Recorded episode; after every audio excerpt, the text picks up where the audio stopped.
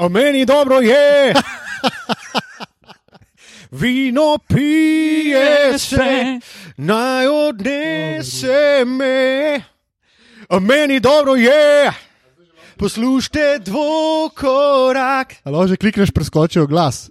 Ne, Ja. upis, da mi nabil klele gor. Hud komat, stari. Meni je to tako dober komat, res. Ko ga enkrat slišiš, ga ne moreš nehati pet. A, A, a, sam zaključimo tale intro. No? A meni dobro je. Ja, najlepša hvala, Matija, za tudi tole glasbeno spremljavo. In hvala Janu Plestenjaku, da se nam je pridružil kot uh, gost v našem intru. Uh, on je moj uh, someščan, ne drugače. Iz starih let, Lučan je bil. A res, tako. Jaz sem Lučan. sploh gledal, da imam primorc. jaz tudi. Ma, zato, ma, zato ker ima lokale tam, ne? Ma ja. Ma, Ma ima lokale tudi v Ljubljani. ma, ma ne? Ma zato ni Ljubljančen. No, seveda, ločan je, samo to, da vam povem. In nekaj časa je celo svojo uh, mamo, priznano akademsko slikarko Doro Plestenjak, živel v enem izmed kril škofeloškega srednjeveškega gradu. Luka, to so izjemne podrobnosti življenja in dela Jana Plestenjaka in njegove mame Dore Plestenjak. Dore? Dora, ja. Glede na to, kar se je govorilo o njegovi spolni usmerjenosti, so tole tudi rahlo težavne zadeve za me. Pa, bob. Ne, zaradi tega, ker- ti to veš. Wow. Ne, ker veš, v teh sobanah pa to malo veliko. Ja, ne, ne, to je vse znano. Uh, Google it up, stari. Uh, Kakšen Luka intervju si kdaj preberem? Brez skrbi, povedal ne kot bom. skrben ločan. Ja, ja. Ne bo. Ne, mislim, eh, veliko, veliko je ločanov, ki so eh, dvignili veliko prahu. Uh, Jan Oblak, recimo, Recimo. uh, Nataša Bokal, Pa tale zobar. uh, Zobar, Ja, Matic Osonikar. Osovnikar, potem imamo uh, ultramaratonca Dušana Mravljeta. Lej, Uh, tako, ni Andrej Miklovc je bil sicer. v Filoki bil tudi ultramaraton, smo mo- sam be. Sam je bil. wow. Wow, wow, wow, wow, wow. Sam čim dlje od loke, ta sta. Ej, alo. Ne, ne, Ne, ne. Uh, zelo, zelo veliko takih uh, fantastičnih uh, ljudi, ki so prišli v Škofiloke. Tudi med športniki, mislim, predvsem med športniki, smočari, tudi skakavci, Jure Radel je bil v Škofiloke, potem ne smemo pozabiti rokometaša uh, Jureta Dolenca. Oh, uh, prvi in, dobitnik olimpijske medalje. in tudi Smuča- Ne, svetovni prvak, kako je bil. tako, Ne, je bil tretji. Rokometaš. Jure Ja, Dolenec. Jure Dolenc, oh, kje kam pa jaz zdaj. Uh, Boris Strel je bil prvi Boris dobitnik olimpijske kolajne. Vse isto, a ni Dolenc strel. Ne, ni. A je to ti škofe loke mogoče? Tako je. Kako? Ja, Boris Strel je Škofiloke. Pa se mi je pa to usral. Ja, pa se sem ga omenil Vrhunsko. med uh, temi. A jaz sem pa Dolenca nekaj imel ujedga v glavo. A, ne, ne. Ne, Jure ne, Dolenec to in sem- uh, Boris Strel, prav tako. Ja. Pomešal sem. Um, to cajt že nismo snemali, da sem čist, ker malo sem ushičen. Trema imam. Tudi jaz sem mal uh, tako. Uh, sem pa, ker si ti enkrat vmes, ko smo se pripravljali na to, si naredil tako, hej, in se spomnim na, na Jana ne, in uh, A Ja. njegov fantastičen komat, ki bo obeležil konec leta 2020. Še enkrat ga slišim, pa me ustrelu faco, prosim. Ta Hvala. pa un ta malo tuša, ne? ko za O, ja, mikrofon, ja, ja, ja. začne. Ja, čeprav une do. Za novo leto. Oh, Marija, jaz imam tega tok dost. Ne, jaz imam nasploh teh kdo. božičnih reklam. Ja. Dej, poberte se. Nekaj razmišljam, ne, Jan Plestenjak nisem vedel, da je on iz Škofe Loke in oba dva stilno sem imel občutek, da je on primorc. In jaz mislim, da je percepcija splošnih eh, ljubiteljev eh, slovenske pop kulture, kot so jaz in Tilen, um, da pomaga, da si mislimo, da je Jan Plestenjak iz primorske njegovemu statusu seks simbola. Ne. Ja, Ker če bi- če Latino bi jaz- lavarja, ne? Ja, če bi jaz mislil, da je on iz Škofe Loke, mislim, da bi imel ta kazalec uh, seks simbolnosti, bi, bi Ja, mogoče ja, ja, nižje. ja, ja, ja, definitivno se dojemanje kar zniža, če vzameš v obzir, da je model iz škofiloke. A, Ja. ja. pa lucidne in prodorne misli, Matija Kosmača in Tilna Lamuta. Uh, fantastično. res. Sam, ko pa tebe gledam, si pa rečem, tudi Škofe Loke bi lahko išel kakšen seks simbol. Aj, Ej. Ej. pa sam pa v Halo ven. Ej! Še tam le zraven je tale lepo smrekca. Moram pa- Bauhi uh, spomni tudi. Uh, Tri ali štiri dnevna, morda celo pet dnevna bradica, ki jo trenutno nosi Luka, malce pomaga Tole je pa kar Dojemanju- dvotedenska, veš? dojemanju Uh. tega, da si malo podoben božičku, od glave do uh, pasu. Oh, hvala. Bombe na meni, to je pa drugo, tega pa ne, Božiček to je pa. To je pa Na saneh gor, Ja, ni šans. Ne, kvaj. Uh, ja, odlično. Odlično smo odprli tale podcast Dvokorak, ampak še ena formalnost je pred nami. Tile in Matija, kako sta te dni? Kako nepričakovano vprašanje. Jaz sem se prav pripravil na to vprašanje, zato ker vedno rečemo, krasno, v redu, super. Jaz sem čarobno. O, magično tole. Mm, Ne čarobno, ampak magično. Ne, ne, čarobno. čarobno, čarobno, je, magično čarobno je meni torej. super beseda, drugače. Meni gre malo na rad in A, A, ne. sicer zaradi tega, zaradi tega, ker se ful uporablja pri teh kvazi influencerkah. A čarobna kremica, ki Ja. bo spremenila vašo, Tako, vaše tako, depresivno tako. telo. In, O, kakšno čarobno jutro. wow, ja. Kad pa In- tako rečeš, ja. pa se odjavlja. Ko vidiš na isto story, o, čau, kje ste followers, si, kakšno čarobno jutro, danes pa en češnjo paradižnik za. No, pa malo avokada sem si narezala. Ja, no to. Hm, Drugače pa čarobno v smislu tega božičnega vzdušja in tako naprej. Oh, super. Tilen beseda je tvoja. Zelo dobro sem, Luka, hvala. To je kar tak se pripravil na to vprašanje in moj odgovor je zelo dobro, Luka. To je zelo legitimen odgovor na to vprašanje. Dobro, lahko pa se pridružim, ne, da mi gre malo na rad, da imam v tem času, v tem čarobnem času in uh, času praznovanja, času dobrih misli in tako naprej, full enga dela in to mi mori. Aha. Nihče ni kriv za to, ampak pač nasplošno bi full mi sedlo, če No, no, malo manj imel Razen dela. tvoj sodelavec, ki je šel na dopustne. Ja, uh, We won't E, name obstajajo, names. pa ne. tudi, ne, obstajajo pa tudi ljudje, ne, ki enostavno si predstavljajo, da se leto konča 20. decembra in naj jih opomnim, uh, pogledajte na koledar, decembr ima 31 dni. Ljudje z živalskimi nadimki, ki so se že pojavljali tudi kot uh, začasni člani dvokoraka. Uh. Tako da Res je, kažemo. res je. No, pa no, no, dobro, dobro si tole. Um, um, um, um. Jaz sem pa tudi v redu, sicer ko, je res, Luka, kako se. v redu. V redu. Uh, kot sem vam sicer rekel, je tale teden, uh, bi se lahko uh, pridružil Tilnu, je teden, ki spada v enega ožjih krogov Luciferja, um, ker je peklensko. Peklensko vroč, peklenski teden za enkrat, in upam, da se bo počasi malo umirilo. Sem bil pa za vikend, uh, sem uh, seveda izkoristil to, da sem gorenjec ne, in seveda si naložil aplikacijo hashtag ostani zdrav.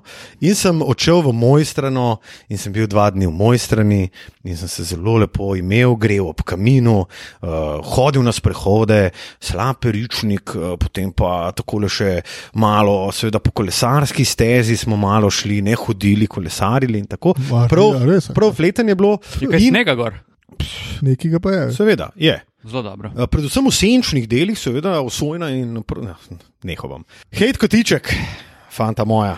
Ja, dajmo, jaz ga imam, jaz imam Jaz sem kar vzel, Ja. kar vzel si bom tole. Opa, Ja, dajmo. zdaj pa, ajde, Vzel si bom, tako kot sem si vzel. Ne. Ne, ne, Luka. Ne, ne.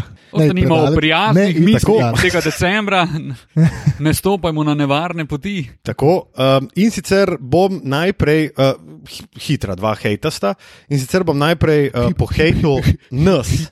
Uh, Uh, Zato, ker smo taki debisi, da se v zadnjih treh tednih nismo mogli ene stvari zmeniti, ene, kaj šele, da bi se dobili, pa se takole posnel in vem, seveda, prevzemam levi vsak delež te vsak odgovornosti. prevzame. In vsak je seveda malo kriv, trpijo ne, pa naši, naši poslušalci in poslušalke. Ne, um, glede na število sporočil in prošen, in pa ne dobro, ne lih prošen, ampak bolj, kdaj je te kaj posnel.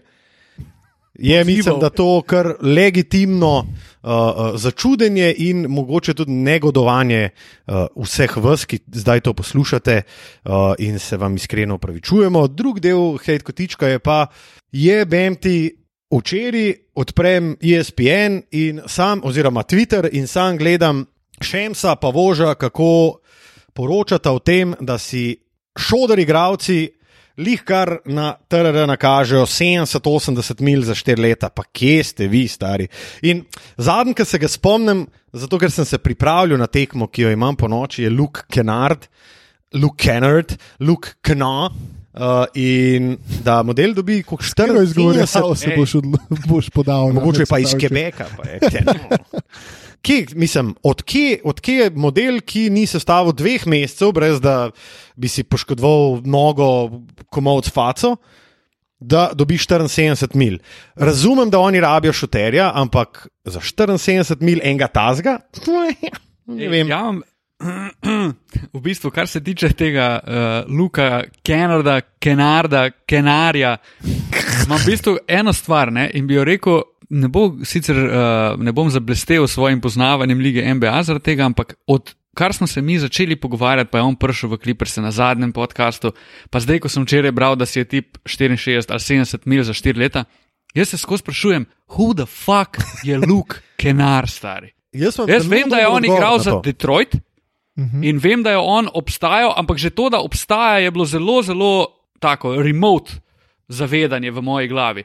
In pol pride majster v Clippers in je označen, da jih bo rešil, stari. Luke Kenard, pa kdo si ti?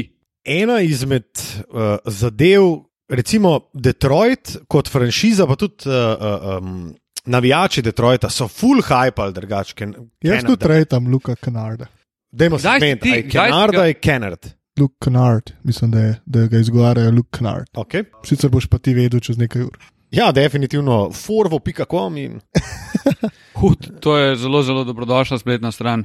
Super. Ja, pač oni so ga rejtali v, v Detroitu, je pa res, da, kot sem rekel, pač človek ni mogel sestaviti dveh mesecev, zato ker je bil ja, ali poškodovan ali spadal iz rotacije Dwayna Caseyja lan uh, in pač človeku ni bilo ravno najbolje postlano. Si je pa zdaj kar dobro poslov. No? Bom pa rekel, da tu lepa. Ja, tam lepa. Nekaj, kar tem kol vedel, oziroma smo že malo povedali, tako da malo že veste. V glavnem. Um, Ja, on bilo, bil čisto soliden pis za uh, Elektripers, jaz mislim. Se strinjam. Uh, predvsem zato, ker ne bo imel toliko veliko odgovornosti, kot je imel v Detroitu, ker na trenutke je imel preveč. Tako da mogoče bo soliden pis in mogoče bo to pogodba, ki se bo izkazala čez tri leta, zelo solidna. Le držimo pesti. Ja. Za Luka Kenarja.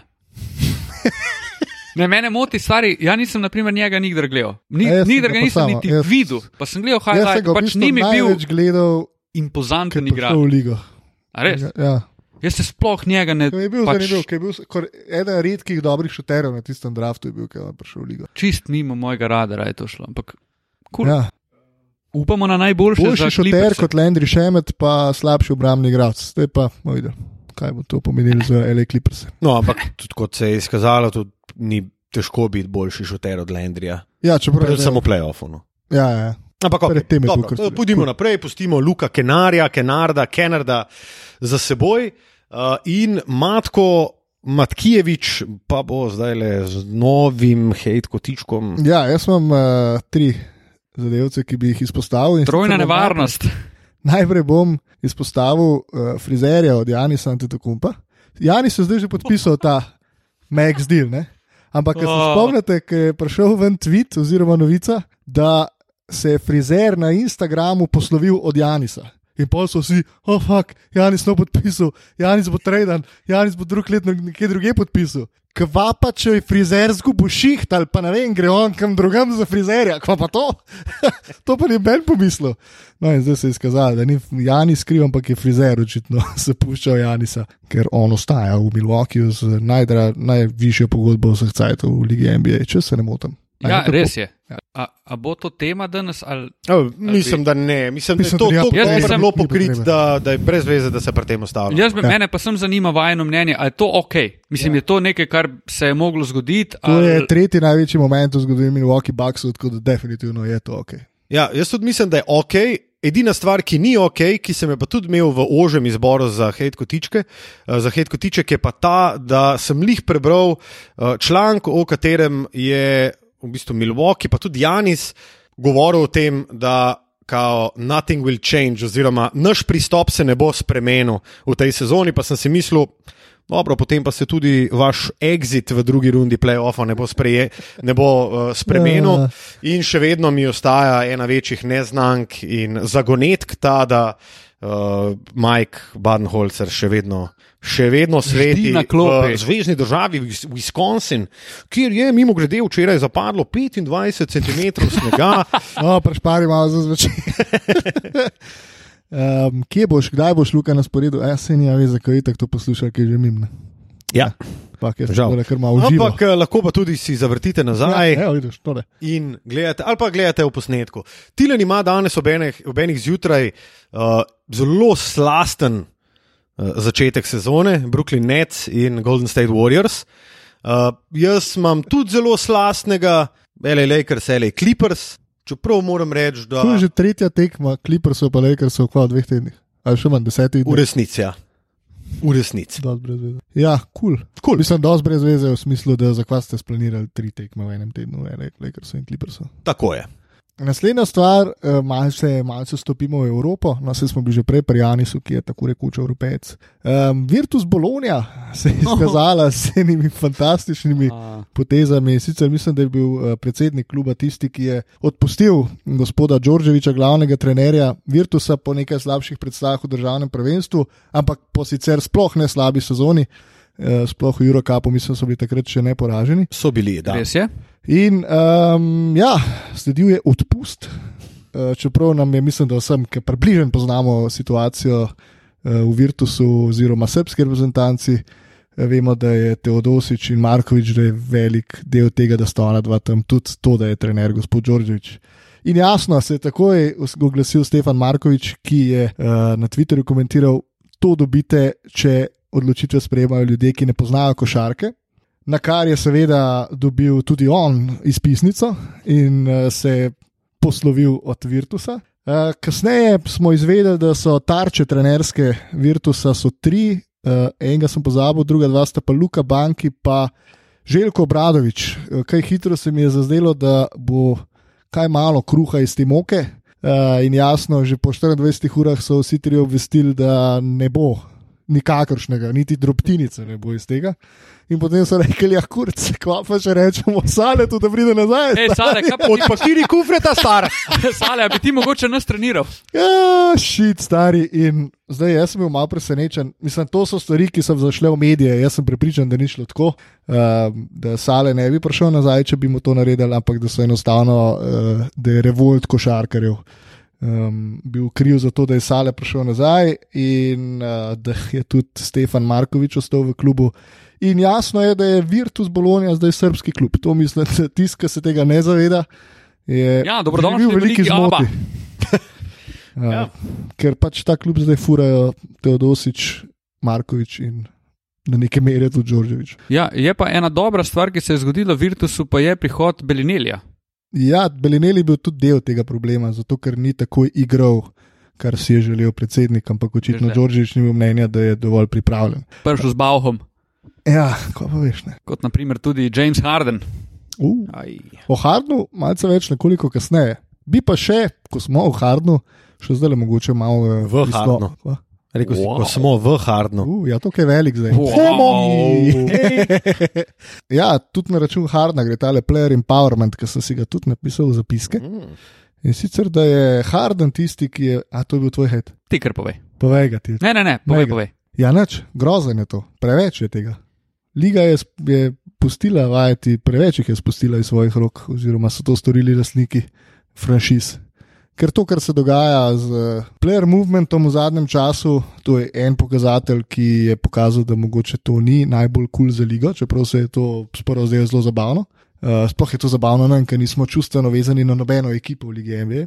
Um, James Harden je bil pa češnjica na vrhu torte, kaj si je ti prvoščil in kaj smo vsi lahko gledali. In tudi nam, ki sicer radi hodimo ven, gledamo striptizete in pijemo alkohol. Um, smo videli, da pač to mogoče to Ko mogoče ni redu. samski človek, Dobro, da, To saj je to je proti prijavo, majster. To je samo umevno. Zakon. To je samo umevno. Uh, ja, in to, to je šlo enostavno predaleč.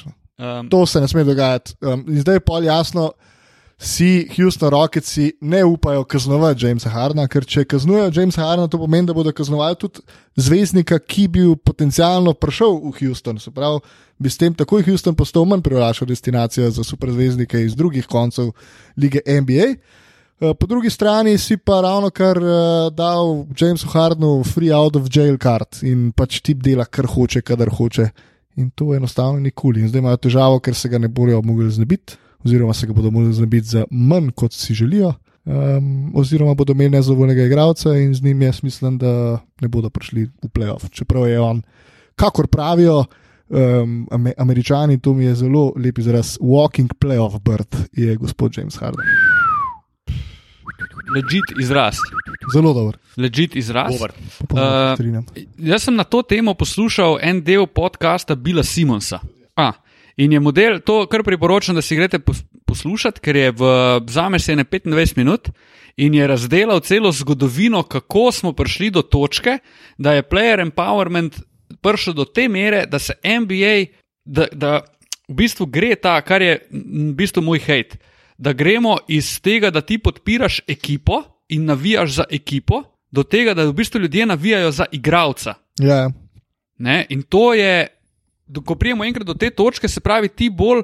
Igralec je tisti fokus in spoh nima veze več, kako igra ekipa, ker če igralec gre, si ta ekipa je dobesedno v buli. In to se zdaj, na primer, dogaja Houstonu, kot si rekel, Matija, pač on dela kar če, grozen je, uh, obnaša se grozno in je vsega obsojanja vredno in je zrel kot hruška za to, da mu naložijo konkretno kazen, ampak se to ne zgodi, zaradi tega, ker se ga po drugi strani tudi ne morejo rešiti. Ampak to se bo enkrat moglo prekiniti. Ne, nekdo bo mogel tako vedenje kaznovati. In to je enostavno zmišljanje, veš, on se je zdaj odločil, ja, meni se več ne da tam biti.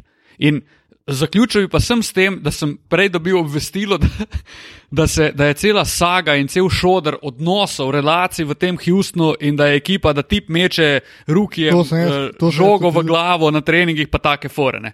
Se pravi, oni so uh, pač premikajoča se bajta, ki se, bo, ki se podira sama vase, stari. Gro, grozni so, skratka. In je, meni je kar zabavno to spremljati, moram reči. No. Koliko mi je grozno, mi je tudi ful zabavno. Mislim, sej, če daš na kup osebnosti Bugija, Walla, pa Hardna, je mislim, da to kar uh, pravi Ja. recept za katastrofične sladokusce. No. Definitivno. Sem, jaz bi rekel, da tukaj Wall pa Bugi niti nista, ma niti 10% problema. Bugi most improved.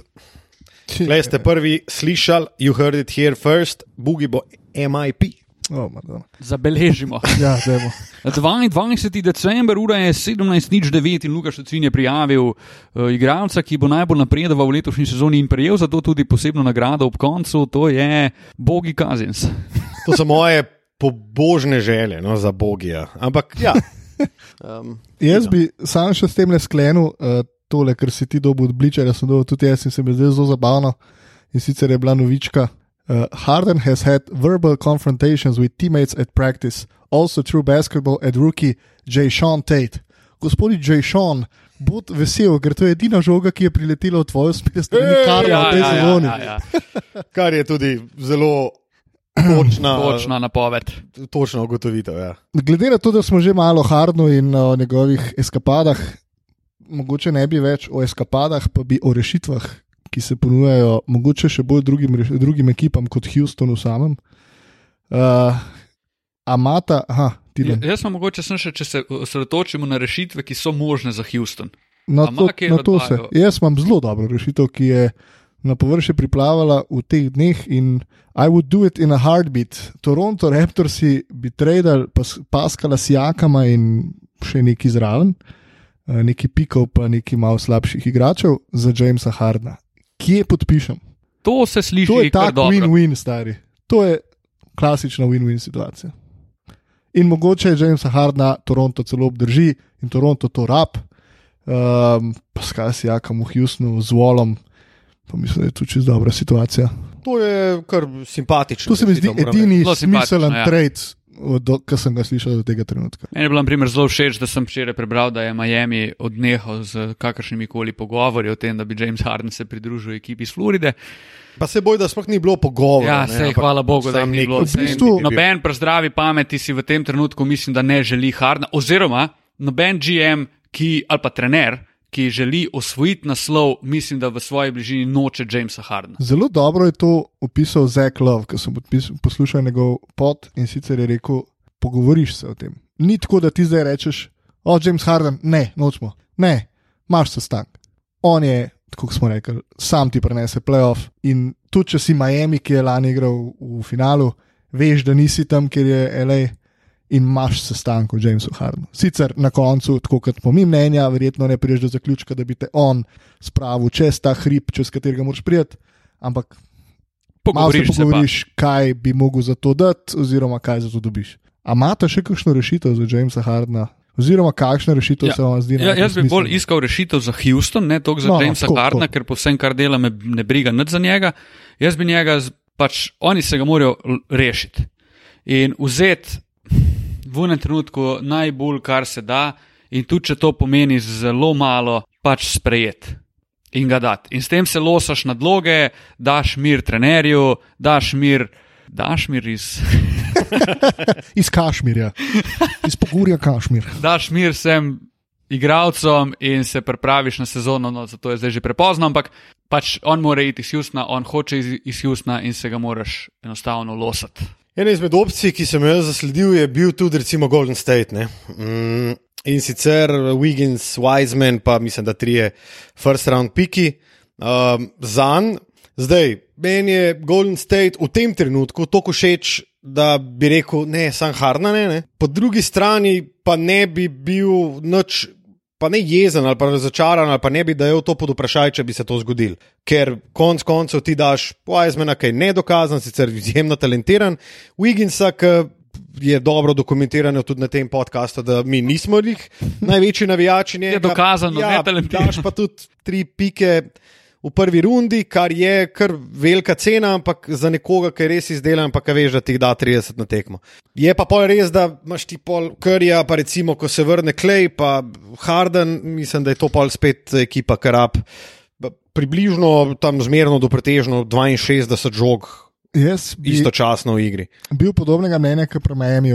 Spet se o tem pogovarjaš, ampak na koncu, tako kot je kultura pri Miami problem za Hardna, se sem jaz mnenja, da je tudi kultura pri Golden Stateu problem za Ja. Jamesa Hardna. Ekipa, ki je svojo dinastijo zgradila na tem, da igra pet, kolikor toliko nesebičnih igralcev na parketu, do tega, da prepeleš najbolj sebičnega igralca. Sam Golden State je preverjena, preverjeno okolje za enega tazga superstarja, kot je James Harden. ne. Um, mogoče v situaciji, v kateri zdaj Golden State ni, ne? ampak recimo v situaciji, ko je prišel Kevin Durant, ne? ki je pač naredil njih uh, najboljšo ekipo, že samo s tem, da je prišel tja, je bilo jasno, da so oni najboljši.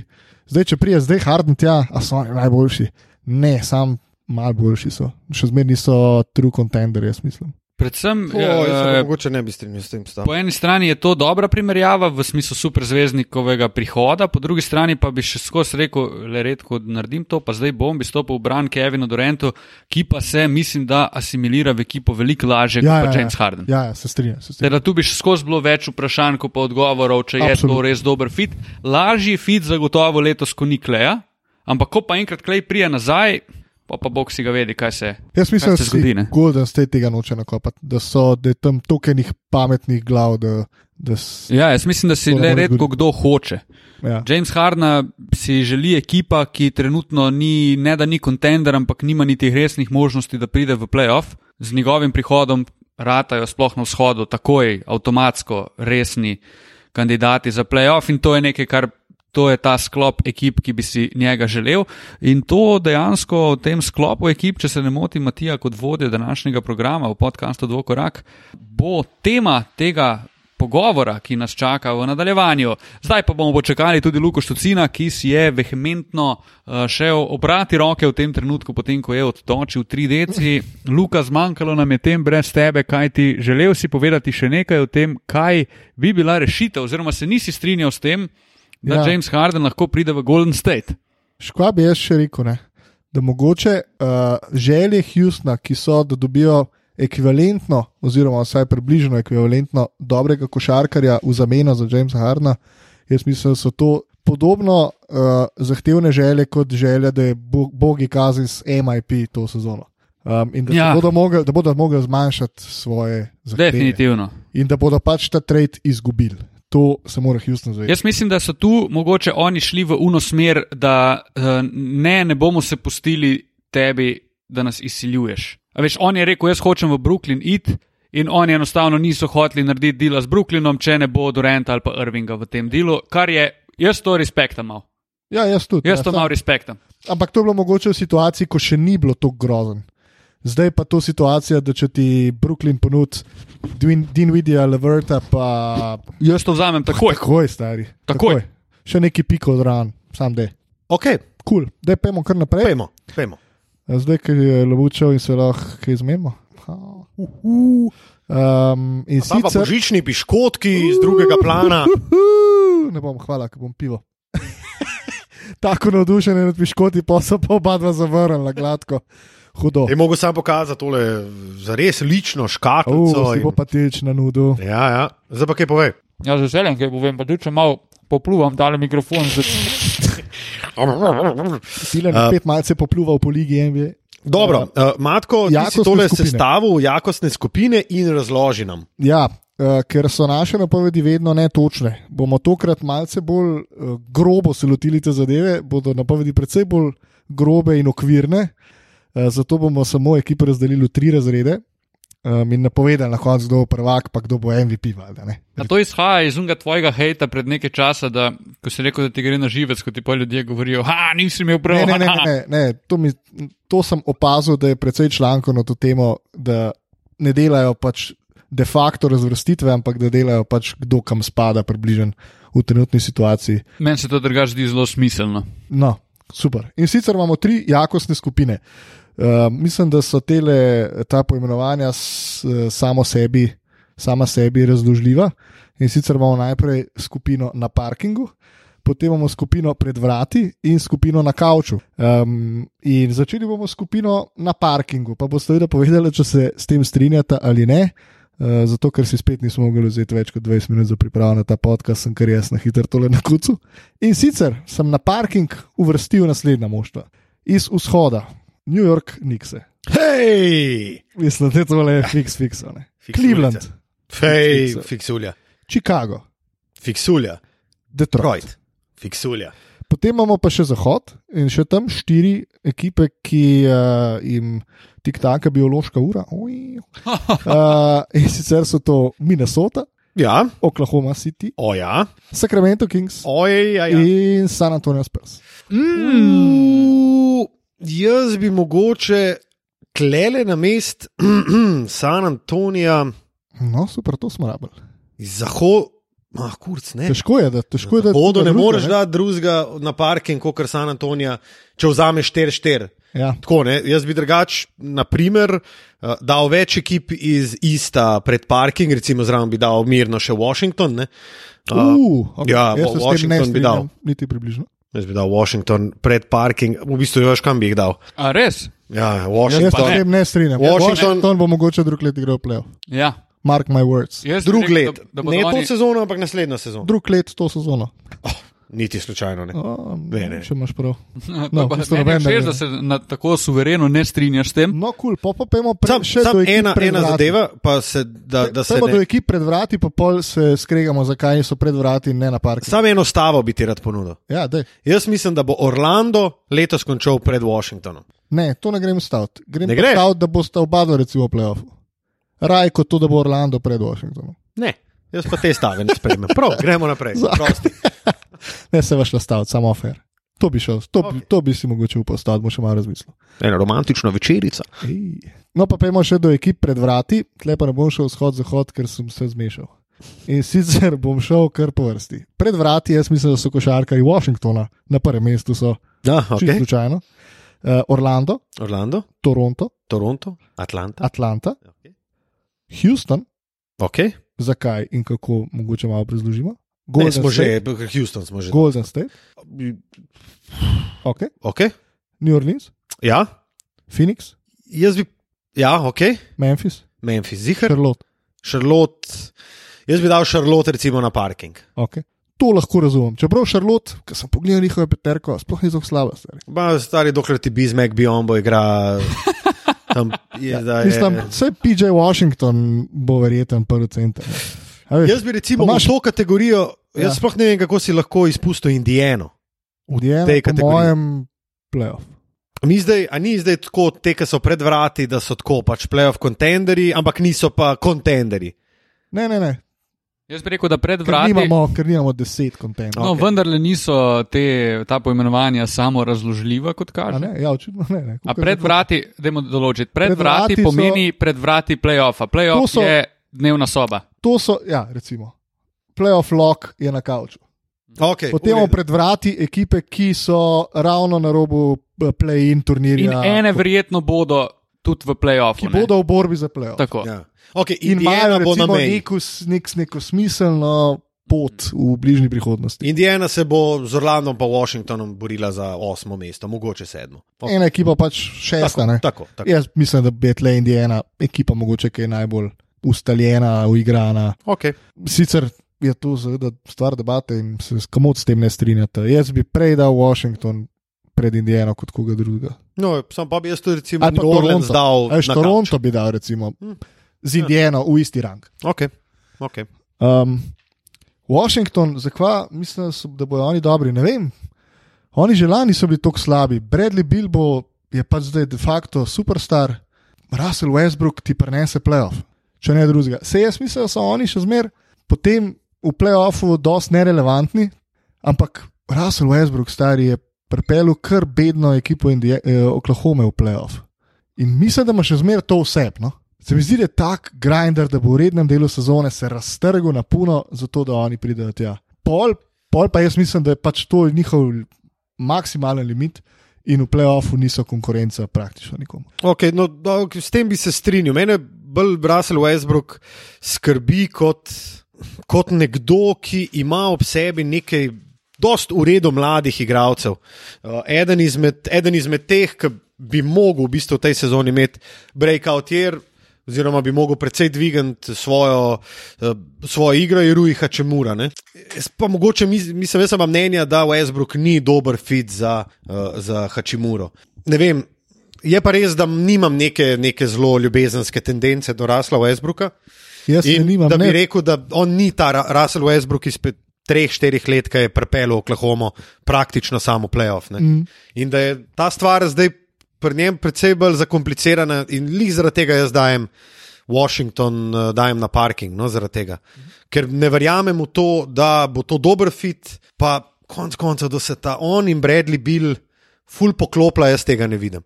Ker Bradley Bill je vsem prosperiral prot, pod takim plejem, kot je John Wall, ki je sicer še vedno dost shoot-orientated point guard, ampak vsem je pa bil zdaj leta in leta med najboljšimi asistenti v ligi.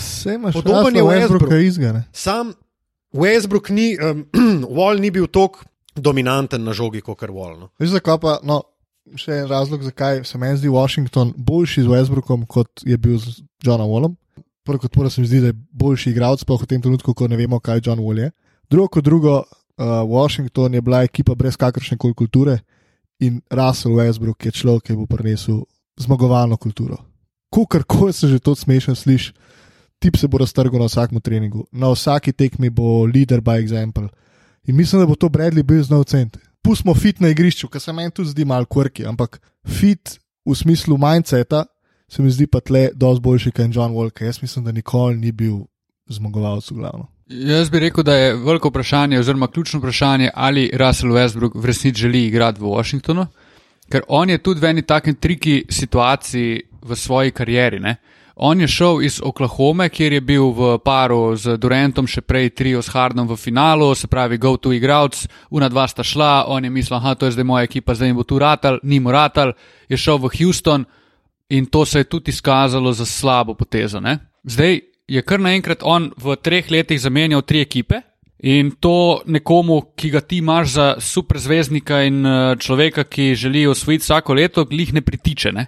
Jaz bi rekel, da se tu moramo najprej počakati, da vidimo, spoh, kaj se bo z njim zgodilo, v smislu, če je on še skozi to, kar je bil, ali pa to, kar smo ga imeli, za kar smo ga imeli, da je, ali bo ratal en, ne vem, selitveni servis, ki bo hodil iz ekipe v ekipo, pa se bomo pogovarjali o njem, da je res konkretno preplačan in nekoristen. No, Jaz bi rekel, pri preplačanih igralcih, David Bertans, Ja. dame in gospodje, ja, ja, pizdarje. jaz bi rekel, da je Washington končno dobil igralca, na kjer ga res lahko računa, če seveda spet player empowerment ta igralec želi tam biti. Jaz sem prepričan, da je temu tako, zaradi tega, ker sem videl ob njegovem prihodu v Washington. Se, da je bil ta prvi na treningu, da je vstopil Ja. na treningu, da je na tekmi, na pripravljalnih tekmah mlade igralce učil Ja. in dajal na svete. To ni igralec, ki noče biti v Washingtonu. Ja, to je igralec, ki hoče ekipi narediti. In to je igralec, ki ga Washington nujno rabi. In jaz bi rekel, da Bradley Bill je vesel, da je prišel. Tako je. Raz, ve, raz, Jaz sve. mislim. Raša. raz, sve tam. Um, Dobro. cool. Kom Golden State je bil tisti, ki. Jaz bi dal Golden State na kavč. Okay. To se pravi playoff in dokaj lagano bi jih dal tja. Jaz tudi. Jaz sem z Golden Stateom, Golden Stateom jaz furat, sam imam pa težavo z njimi, da ah, ko jih malo pogledam, Stef, kar je mogel imeti MVP sezono. Ne? In jaz tudi malo pričakujem, da bo kandidat za MVP, da bo top 5 v tej sezoni, um, ker ga bom končno lahko spet videl, unga Stefa, kar je iz uh, let, ko je eksplodiral na sceno. Kako se Če- če, tega veselim, to Če, je noro če, Meni reči. je če, če to- bo zdrav, meni je Ja, to ja. balanca. Ne? Jaz si res želim, pol, da bo zdrav. Gledam, kaj pa okol. Ne? de- Dejansko je drugi najboljši igralec te ekipe, je Draymond Green, ki je lansko sezono odigral katastrofalno slabo. A je zdaj to krivo, da Golden State ni igral za nič, pač da ni imel cilja v lanski sezoni, a je to krivo, da je on bil slab, ali je enostavno Draymond Green postal igralec, kar neki koristiti, da samo še v obrambi v napadu, se pa na njega ne more zanesti. Ampak on mora biti igralec, ki bo mogel v napadu dati 15 pik potekati. Jaz se pa ne strinjam s tem. Jaz se pa ne strinjam, da Ok. okay. mora dati Raymond Green 15 pik na tekmo. Ja, In mislim, to izključno zaradi enega človeka, ki je pač okrepil Golden State, to je Kelly Ubre. Jaz mislim, da se Kelly Ubrija malo preveč ceni. Jaz ga imam fulerat, meni je Kelly Ubri vrhunski, sam po mojem se preveč upov polaga na Kelly Ubrija. Okay. Zato jih dajem tudi to. Zato imaš pol od zadnje, recimo še Bradley Wanamaker je prišel, Kent Bazemore je prišel, ampak dobro, to sta modela, ki ti pobereta v njih 12 minut, ki jih ti rabaš. Okay. Uh, pol imaš pa še Jamesa Wisemana, jaz mislim, da Draymond Greenu, Draymond Green mora dajati 8 pik, 8 skokov, 6 asistenc na tekmo, eno ukradeno, Ne, eno no, blokado, pa, pa je Golden State lagano, lagano. Jaz sam mislim, da mogo biti on navaren v napadu. Če ne bo navaren v napadu, ima, ima Golden State problem. Jaz se ne strinjam s tem. Okay. Jaz jih zato dajem niže, zato ker Kelly Ubre mi je hud igralec, ampak ne vem, če je. Ja, pa sem še to Wiggins ta igralec? No. Ja, za Wiggins se itak ne vemo, kva bo z njim, pa kaj on je. Dobro, se V veliko Golden ljudi tako vprašajo. Ne, se, Ja, se, je, ravno zaradi ja. tega. Ravno zaradi Vprašanje- tega, jaz ne vidim. E, e, I- Nisem tako samozavesten v Golden State. Okay. Jaz jih vidim zares, zares gladko. V... Jaz jih želim tam, nisem prepričan. Um, Okay, a imamo še kakšno mejno ekipo, ki smo New Orleans. New Orleans bi jaz. Meni je New Orleans ekipa z najslabšim fitom na igrišču ta trenutek. Fit. no, uh. Ti imaš v prvi peterki enega, ki zna da trico. In to je Prva človek, peterka ki bo- snima podcaste. Lonzo Ball, ne, on sploh ne igra v prve peterke. ba je. What? Ne, pa je prva peterka napovedana Bledsoe, Ball, um, Ingram, Zion, Steven Adams. Steven Adams je grozen, grozen fit za New Orleans v tem trenutku. Ful dober človek, ful dober igralec, sam grozen fit. In če daš teh pet na igrišče skupaj, v tem trenutku bodo meni kar slabo. 400 skokov na tekmo. Igrali bodo zelo dobro obrambo, v napadu pa Zajan ne veš, kaj je v napadu.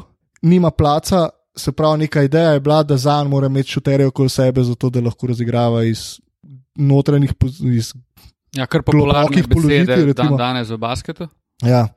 Um, Ma pa Steven Adams, ki mu po mojem hodu na poto. Ne. Jaz mislim, da po pol sezone ugotovil, da Steven Adams mogoče ni tako dober fit. Razen če je Zajan nekaj, kar ne vemo zdaj, kaj je Zajan, da bo te metu 30, 40 posto, pa dobro igral zunaj. Mislim, ful mi je čuden fit. Samo zato imam jaz težavo z New Orleansom. Po imenih mi je ekipa super, ostalo pa ne vem. Jaz sam mislim, da bo, da bo New Orleans bo ena taka trdnjava. Oni bojo, mislim, že peterka je daleč najboljša obrambna peterka v ligi, če tako gledaš. Mislim, je noro, kaj, kaj imajo oni, kakšne pise imajo za obrambo. Poleg tega, veš, Elvin Ge- Gentry je tip trenerja, ki reče: teč, teč, teč, ritem, ritem, ritem, meč, meč, meč. Ste, Ven Gandhi ni tak, ne? Ven Gandhi, vi, mislim, že zgodovinsko gledano, je Ven Gandhi človek, ki ima nek pač sico, eh, svoj specifičen slog igre, ki pa mislim, da bo zelo dober fit za, za New Orleans in predvsem za te fite, kot so um, Steven Adams, skup z Zionom Williamsom. Uh, konc koncev, pizda imaš ti Brendona Ingrama, ki je neverjetno nadarjen uh, napadalno košarkar. Pomaž pa dva buldoga v obrambi, še na položajih branilca. Jaz mislim, da bojo oni Da bo, mislim, jaz res polagam veliko upov v njih in mislim, da bo uh, Van Gandhi naredil eno zelo, zelo lepo zgodbo v New Orleansu. In če bi lahko zdaj napovedal, imam jaz celo feeling, da bo New, New Orleans v tej sezoni tak Oklahoma iz prejšnje. Okay. Jaz sem mogoče v veliki zmoti in se popolnoma strinjam s tabo, da je lahko tako, ampak tako Zdaj, eno dvajo je v zmoti. Ne? Definitivno.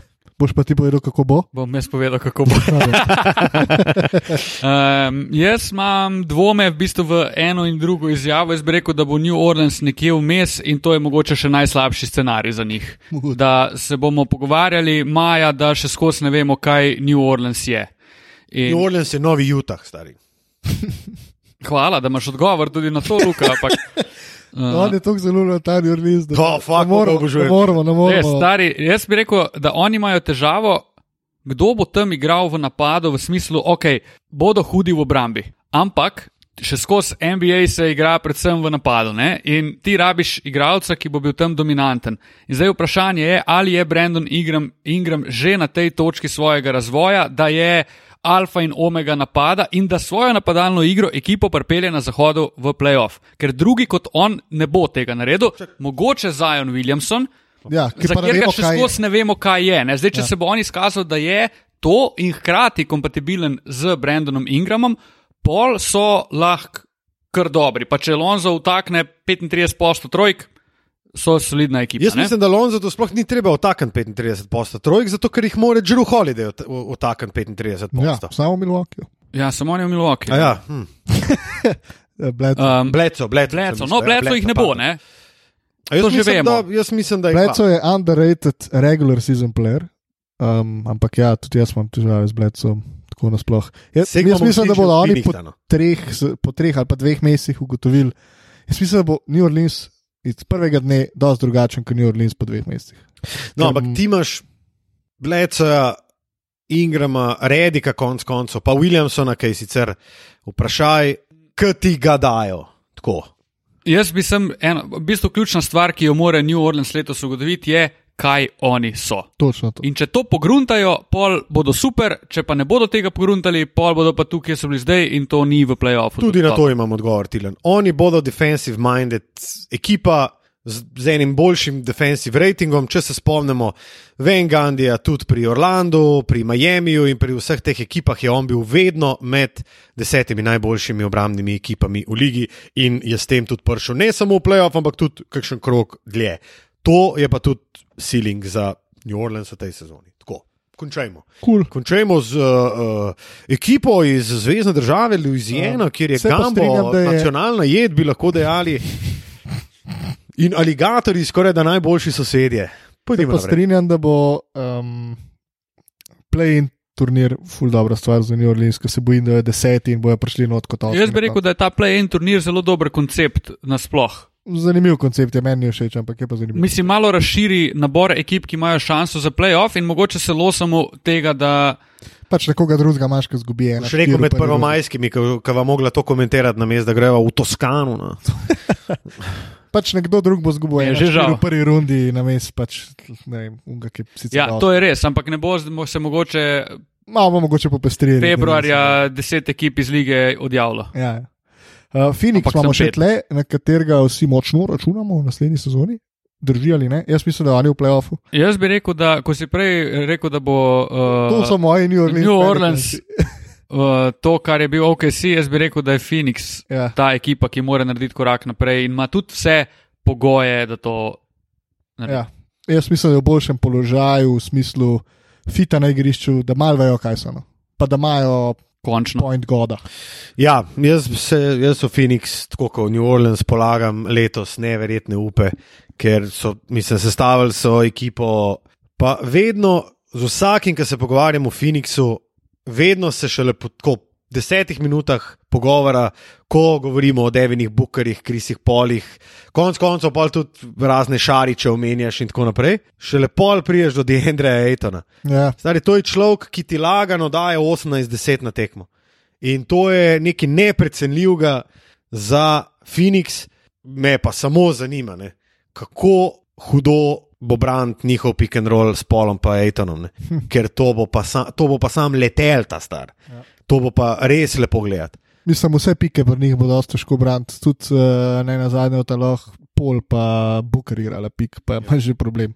Moje vprašanje za Phoenix je, pa, oziroma eno izmed vprašanj, ki se poraja, je pa to, kako bo Devin Booker reagiral, ko ima prvič v karieri mogoče pritisk playoffa, pa realne šanse za to in hkrati igralca kot je Chris Paul, ki je alfa in omega ekipe, kakorkoli zdaj obrnemo. Ne? Jaz imam odgovor bo. na to. Na Seveda. oba. Seveda. Jaz mislim, da Chris Paul se ne bo tam konsolidiral kot alfa in omega ekipe. On bo ta vodja, ki bo rekel: Lej, mi moramo tako špilati, da lahko Devin Booker da 35 na tekmo. Devin Booker bo, seveda, kot prvo ime. Jaz mislim, da bo to z veseljem sprejel. Ejton bo sprejel njegove podaje na pick and rollu. Ne smemo pa pozabiti, da je Phoenix naredil še eno zelo, en zelo dober uh, um, free agency nakup in to je Jay Crowder. Še neki na prvo vprašanje, kako se bo Devin Booker uh, spopadel s tem, da ima playoff hopes. Jaz ne vem, ali si ti bil v Bablu, ko so oni bili neporaženi To je ali ne. moje. moje Mislim, moje, on je takrat imel tako, ok, Jaz imam odgovor na to, Luka. ja, ne, niso imeli, nisem v tega Bablu, pritiska. No? Bil sem v Ljubljani. Ja, no, ja. Jaz Ne, se ampak- strinjam s tem, da je pač on tam dokazal, da je, da je ta igrač. Jaz se veselim tega in upam, da dejansko bo in je tak igrač. Jaz sem mislil, da se bo v smislu Chris Paul, ne da bo on zdaj uh, dajal 30, pa ne bo dovolj, da bi Booker imel 35 na tekmo. Ne? Ampak ta, če bo Booker bil pripravljen sprejeti, da mu Chris Paul govori, kako mora igrati. To. Booker more to sprejeti in to je sem dobro, da se ne, ne narobe razumemo. Ne? Sej je lan to delo, Rubio je bil play, sej Ma dobro, sta zdaj jaz imela ne bi- dokaj dinamičen odnos, okay, pa sta- Rubio je vse. Ja, mislim, to je človek, ki je več kot deset let v ligi in jaz verjamem, da mu je on zelo veliko stvari razložil. Jaz mislim, da je Rubio tudi eden glavnih razlogov, zakaj je imel Devin Booker tako dobro sezono. Se strinjam, ampak vseeno pa mislim, da se lahko strinjava, da ne moramo enačiti CP-ja pa Rubija. Definitivno ne. Uh, dobro, jaz bi, naprej. ko smo že najbolj, uh, najboljšo obrambno, potencialno najboljšo obrambno ekipo naslednje sezone izpostavili, da imamo pred vrati izpostaviti še mogoče najboljšo napadalno ekipo naslednje sezone. In to je Sokoli iz Atlante. Ali so jastrebi, kaj je že to? uh, Hawks. Hok, Sokol. Ha? Ne. Ni, Ma to vsak se ni vezano, se ni let pred sezono gledam. Pač te ptice. Hawks so neki, ja, nekaj, kaj da bi rekel, galep pizna. Ho, ho. Pač neke ptice iz Atlante. No, Um, Atlanta je stekt um, v napadalnem smislu, mogoče z najboljšim mladim organizatorjem igre v ligi ta trenutek. ampak nikomor, ki bi igral Obrambo. obrambo. In jaz mislim, Ja. da Bo to. bo Atlanta Kaj bo njihov v pretehtalo? najboljšem primeru play in drugačo pa izveseleno. Uh, Ja. A nisi Pismo- ti dal v playoff? Jaz sem bil full kaj na Atlanti, pa sem pa malo razmišljal, stari, če tam... rekel, Tilč pa Matija sta drugačkar. Neki, neki soli pa imate v glavu. Ja, ja, ja. ja, Lepo, lepo, da si iz tega ja, prišel. ja, ja, ja. Um, Toronto sem jaz dal sem. Um, zakaj? Zato, ker se mi zdi, da so precej. Uh, da je Kaj Lauri še vedno njihov najboljši igralec in je eno leto starejši kot lani. Um, da je Sijakam, da končno vidimo, da to ni. To ni naslednji zvezdnik Toronta, um, vsaj ne super zvezdnik. In je pač Fred Van Vliet, po mojem, dosti boljši kot je igral. Freddy! Jaz ne verjamem, da lahko, ampak naj me preseneti, zelo vesel bom, če me.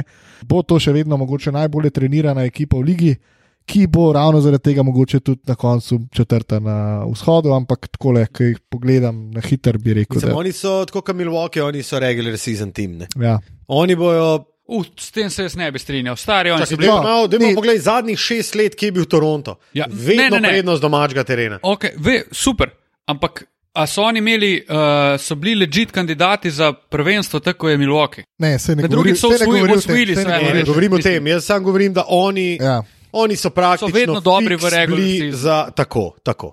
A veš, ko imaš nek Boston, ki je tretji, pa ga ti precej. Pa ti precej raje dobiš Toronto v prvem krogu, kot kar Boston. Ne? Ja, to je ja, ta ja, ekipa. ja, ja, ja. Tako kot Milwaukee, moram sicer povedati, Dragič, recimo Goran, je zanč rekel tako.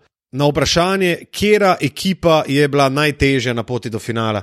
In on je gladko rekel: Boston. On je rekel, za Milwaukee smo vedeli, kako špila, Ja. ja. dobro smo igrali proti njim v rednem delu sezone, vedeli, se, vedeli smo, kako se moramo postaviti in to je deloval. In oni se niso prilagodili in čau. Boston je pa pač problem, ker imaš ti. Tri, štiri kreatorje, ena na ena, imaš Kembo, ki je dober v pick and rollu, ok, nimajo pod košem neki, v bistvu praktično ničesar, ampak on je takoj izstrelil Boston in zaradi tega jaz mislim, da je Toronto ne nevaren kompletno. No, in gremo na kavč. Jaz sem že tle. Kaučela, koliko jih imamo uh, na kauču? Kavčela, ekip? 12 ekip imamo na 12 kavču. na Ampak kavču. tako bi rekel, zdaj to so neki razredi, ki sem jih jaz postavil. Bi rekel, da je na vzhodu precej težje določiti, kjer jih je teh šest ekip, ker jih je precej tam tam. Ja. Recimo, težko sploh rečem, kdo je trenutno najboljši na vzhodu. Aj okej. to Brooklyn. A gremo, a gremo sam čez, čez ekipe, Gremo na ekipe, ki smo jih izločili, ali ekipe, ki smo jih dali na kavč. ki smo jih dali na kauč. Evo, ti jih bom jaz zdaj povedal. Dej. Vzhod, Ja, Miami, ja, Milwaukee, ja, Philadelphia, ja. Indiana, ja. Mm, Boston, mm, okay, Boston. Brooklyn, Brooklyn je pet. Ti šest, si dal Indijano Miami. noter, ja. Milwaukee, Philly, Indiana, Boston, Brooklyn. Ja, ok, jaz Indijane ne bi dal noter. Okay. Se pravi, Indiana zamenja s Torontom. Ja. Okay. S tem se lahko strinjam. Okay. V redu. Ampak zdaj težko rečem, mislim, ne bi bil začuden, če bo Indiana pred Torontom. Tudi jaz ne. No. Ampak ne bo.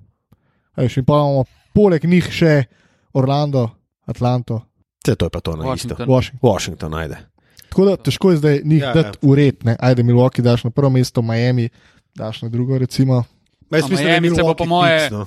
Milwaukee je fiks, Miami se bo pa, kot je to značilno za njih, potikal med Ja. tretjim in šestim, petim mestom, in pol si jih noben ne bo želel dobiti v playoffu. Ja. Spet ne veš, kaj je Fili, kva bo Ja. s Filijem, ki je mal boljš kukar, ampak ni dosti boljš.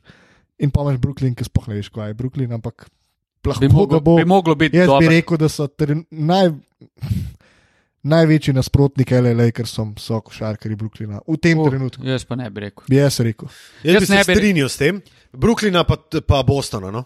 Ja, jaz Miami ajde, Bostona. recimo ne bi dal obo Ne, jaz tudi Lakersom nikoli. Mislim, prej vidim, da jih Boston ali pa Brooklyn rukne, kot Miami v tem trenutku. Ja, ja, ja. Ne, glede na, ne glede na A- Averija Bradleya, s čimer, oziroma s komer se jaz zelo strinjam kot uh, okrepitev uh, Miami. Ja. No. Jaz sem tudi tega mnenja. Ampak zato sem rekel v tem trenutku, jaz mislim Brooklyn, ker nimam pojma, kaj je Brooklyn, ampak sam vidim roster od Brooklyna. In imajo pač dva top ten igrača. Top, Ja, se, top to, 15 je igralcev. edini, to je tudi daleč edini razlog. Ja, Ampak jaz imam mislim, ni igralce edini, ne pa imaš še, da- gledaš, pogledaš roster desetih igralcev. Pri uh, Brooklynu pa nimaš še enega slabega igralca od teh deset. No, sej, roster na papirju je razlog, No, no, no, zakaj jih uvrščaš tam. Absolutno. Uh, so pa lahko oni tudi out v drugi rundi, ker Reč, zanimivo je, Tilan je mečkam eh, Badhart, ker uh, govori o Brooklynu več kot v Miami. Jaz bom Brooklyn Ma, recimo zelo realno- rad gledal letos, ker me sam zanima, me, kako Mene bo to funkcioniralo. In komaj čakam na tvojo tekmico, uh, Tilen, čez par ur. Uh, je pa, Saj, sam- komaj čakal tudi jaz. Uh, je pa uh, zrezali. ven. ena zanimivost. Ne, ne bo noter. Urednik se strinja. Naj bo notri. Um, je pa ena zanimiva zadeva. Ne? Neci imajo recimo v ESPN-ovem top 100 players, renku imajo šest igralcev. Toliko jih imajo samo Lakersi in Clippersi. Ja, Zanimivo, ne? Ja. Ja. Zato, ker ti imaš kle vse ene par takih koristnjakov. noro je. Noro je. Recimo, ok, Joe Harris je liho je v stotico, na, točno na stotem mestu, Jared Allen 94, ampak pol imaš pa štiri v prvih 50, Dinwiddie, Levert, Irving, Durant. Ja, pa pogledaš še DeAndre Jordan, recimo na centru, je dober backup center. Tako. Maš, res imaš na vsakem položaju dva Neki dobra igralca. Ja. So, so res so stek. Sem malo pa me moti, da zapostavljamo Miami, čeprav so prišli v finale. Ne? Ne, ne, jaz ga ne zapostavljam. Jaz samo mislim, da so bolje oboroženi za ekipo kot je L. Tako. To, je, to se strinja, strinjam, Tudi strinja se Tamara, ki je tukaj ni. Naj, najbrž mogoče. Ne vem, če Uh, si to hotel povedati. Ja, kakorkoli, uh, ne vem, kaj sem se hotel reči, in lahko nadaljujemo. Ja, Dobro. Te iz tira vrže tvoja draga. Ja. No, pa gremo še na zahod in eh, šest korenjakov, ki sem jih uvrstil v top šest, so LA Lakers, LA Clippers, Utah Jazz, uh, Portland, Dallas, Denver. Sem noč sem dal Portland, ki je moj, uh, Sliper. moj slipper ali pa Dark ekipa, na horse. katero resno računam v letošnji sezoni, pa se mogoče močno motim. Mm. pa spet je težko Dallas, Denver, Portland primerjati z Golden Stateom, Houstonom pa Phoenixom. Spet imaš le šest ekip, ki so. Je eno kategorijo više od Portland je spodaj. tako vprašanje, to je pa, Ja. to je pa meni noro. Ne? Ja, se A je, a je Portland boljši od Dallasa? Jaz mislim, da v tem trenutku ne. Jaz, Jaz pa bi rekel, ja, da je. Jaz tudi. Fak, jaz bi pa rekel, da ne. Z Jošem Richardsonom, jaz mislim, da ne. Jaz pa Mi mislim, moramo da, jaz, vedeti- ko pogledam njihovo prvo peterko, Ja, si meni rečem, se wow, z glavo prijem, ko pogledam prvo peterko. Oni so gladko moja najljubša ekipa v letošnji sezoni. Povejte mi prvo. Lillard, Mc- McCollum, uh, Covington, uh, tale, kva je iz Miamija. Mm, Rick Jones? Derek Jones Jr., pa Jusuf Nurkič. Pa Harry Giles, ki je haru na pripravljalkah in jaz mislim, da Harry Giles bo pa- faktor. Enes Kanter? Pa Collins, Kanter. pa Kanter. Oni so meni kar legitno. ne so oni O, vrhunski. ne, Če gledamo na papirju, bi jaz rekel, da so oni boljši od Dallasa. Ja, jaz bi isto rekel. In so tretja na papirju, tretja najboljša ekipa Zahoda. Jaz se s tem strinjam, jaz napovedujem, to je moj hot take za to sezono, da bo Portland igral finale konference. Naj Ampak se zgodi. Je Naj se vrelo- zgodi. Vrelo vroč take. Naj se, naj se res vrelo. Jaz, jaz si tega ful želim in to Meni je bilo to super. premaga zdrav razum. Jaz pa moram vama tukaj le uh, Oporekati. oporekati. In sicer meni se pa zdi, seveda v dobrih okoliščinah, z zdravimi igravci v tem trenutku, Dallas tretja najboljša ekipa Zahoda. Uh, Uh, to se pa jaz ne strinjam. Um, jaz sem Ne. bil vedno lov na Dallasu, pa moram reči, da sem Dallas sem vedno zelo dobro ugotovil. Kje bo, ali se bo boril za končnico, ali ne. Do letos, letos pa res dajem veliko upov v Dallas, ker me ta pick-up Josha Richardsona me je zelo navdušil. Obenem pa fucking končno upam, pa tudi po slikah sodeč, je vse ničken zgubil te mišične mase, Kristaps uh, Porzingis, ker on ne more toliko mišič, no, mišič nositi na, na teh Mišiči. kolenih. Ne. Jaz mislim, da bo Dallas letos prednost domačega terena za Portland, stari pri Portlandu mi je pa najboljš, ker vem, koliko so dobri. Pa vem, zvedno kako dobro znajo prijeti, pa koliko so oni klač, ko govorimo, da pridejo v playoff. Jaz bi njih lahko dal ali na četrto ali tretje mesto, lahko bi jih dal pa na deveto. Sej to je, Ko to je tudi resnica. Tudi to je res. Ja, ja. Samo uno, ko jaz pravim, da so oni tretji, to je dost moja ljubezen do Damiena Lillarda in tega. Ne, Ne vem zakaj te ekipe, ki mi je Ne, pač kul. Cool. Tle sem s tabo. To premaga zdrav Pa tudi, ro- pa tudi roster pač po imenih. Brez da gremo zdaj v neke podrobnosti odnosov, isto kot Brooklyn. Jaz ne morem Brooklyna imati tukaj resno kot Miami, glede na to, da je Miami igral finale, ima nespremenjeno ekipo, dobro kulturo, dokazani zmagovalci, pa hkrati se v njih ne pogovarjamo tukaj resno kot v Brooklynu. In če gledamo iz te iste perspektive tudi Zahod, je meni Portland tretja ekipa. Meni je tretja ekipa na zahodu z zdravim razumom, z lahkoto, Juta. Z lahkoto. Meni pa Denver. Meni pa ne Denver. Meni pa Denver se mi zdi, da je mal slabši kot lanski, lanski sezoni. To se mi zdi. Um, Lo, da se motim, ampak Utah? Juta ima Konlija že eno leto in Konli se je v Bablu končno konsolidiral kot dober igralec. Pa Bogdanovič je nazaj, Bogdanoviča ni bilo. Ja, Utah je pa ena, Opa. ena, ena ekipa, ki mora narediti letos to, kar ni naredila lani. Jutah je zelo v enem čudnem položaju. Ne. Oni so zdaj dali Rudijo Goberju, so dali največjo 205. pogodbo Za center. visokega igralca v zgodovini, ampak oni niso imeli izbire pri tem. Koga bi oni lahko dobili na mestu Goberja? Salt Lake City ni, ni Free agent destination. Ja, destinacija, kamor bi, pizda, ti moraš te ljudi draftati. To je to. Ali pa dobiti nekoga, kar je, ne vem, Pa si vas vesel, da tak človek želi ostati. tako. A veš, mislim, moraš ga konec koncev razviti. To je pač eden izmed tak, tako kot Milwaukee, konec koncev.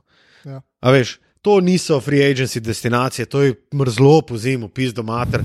Mormončki. Sol, Salt Lake City, stari, to je, to je prestolnica mormonov je. v Združenih državah, stari tam ti uni, pizda kravžljčki hodijo, stari, ki samo se pometo, pizda.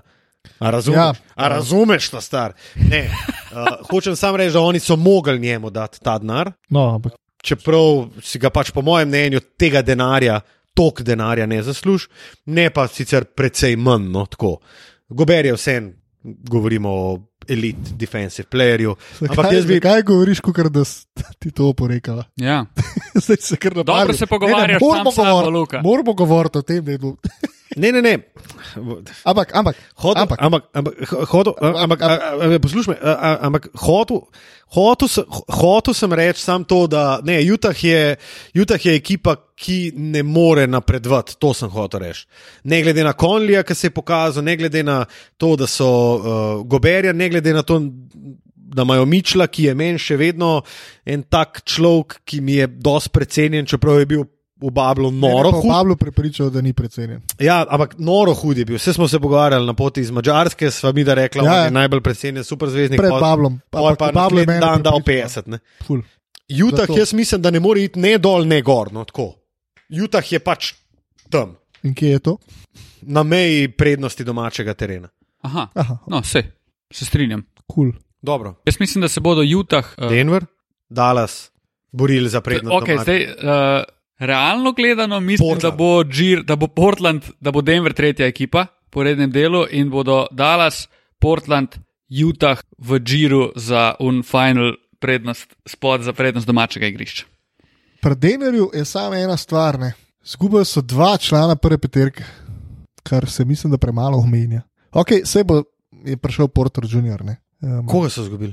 Ja, Jeremy Grant pa Tori Craig sta oba igrala prvo. ne. Čeprav. Tori Craig. Ja, Tori- se strinjam, ja, okej, okej, se strinjam, se strinjam. Um, sam mogoče bo to vseeno malo vplivalo. ne. Saj Lahko da ne, lahko da je Porter. Mogoče pa Lahko, to da pomeni, da bo.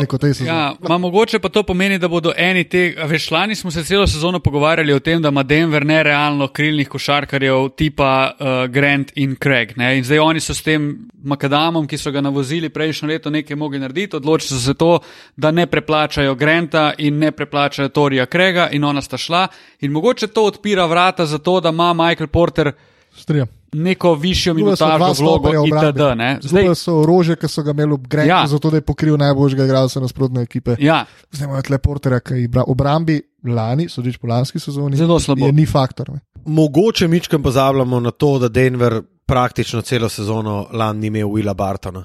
Ja. Pa da so dobili Ja. ja. Jamaikla Grina, ki je ne na zadnje, mislim, da rešil, pis. rešil dve tekmi v Bablu Dober in pis. to v zadnji četrtini. Dober to sta dva dobra pisa.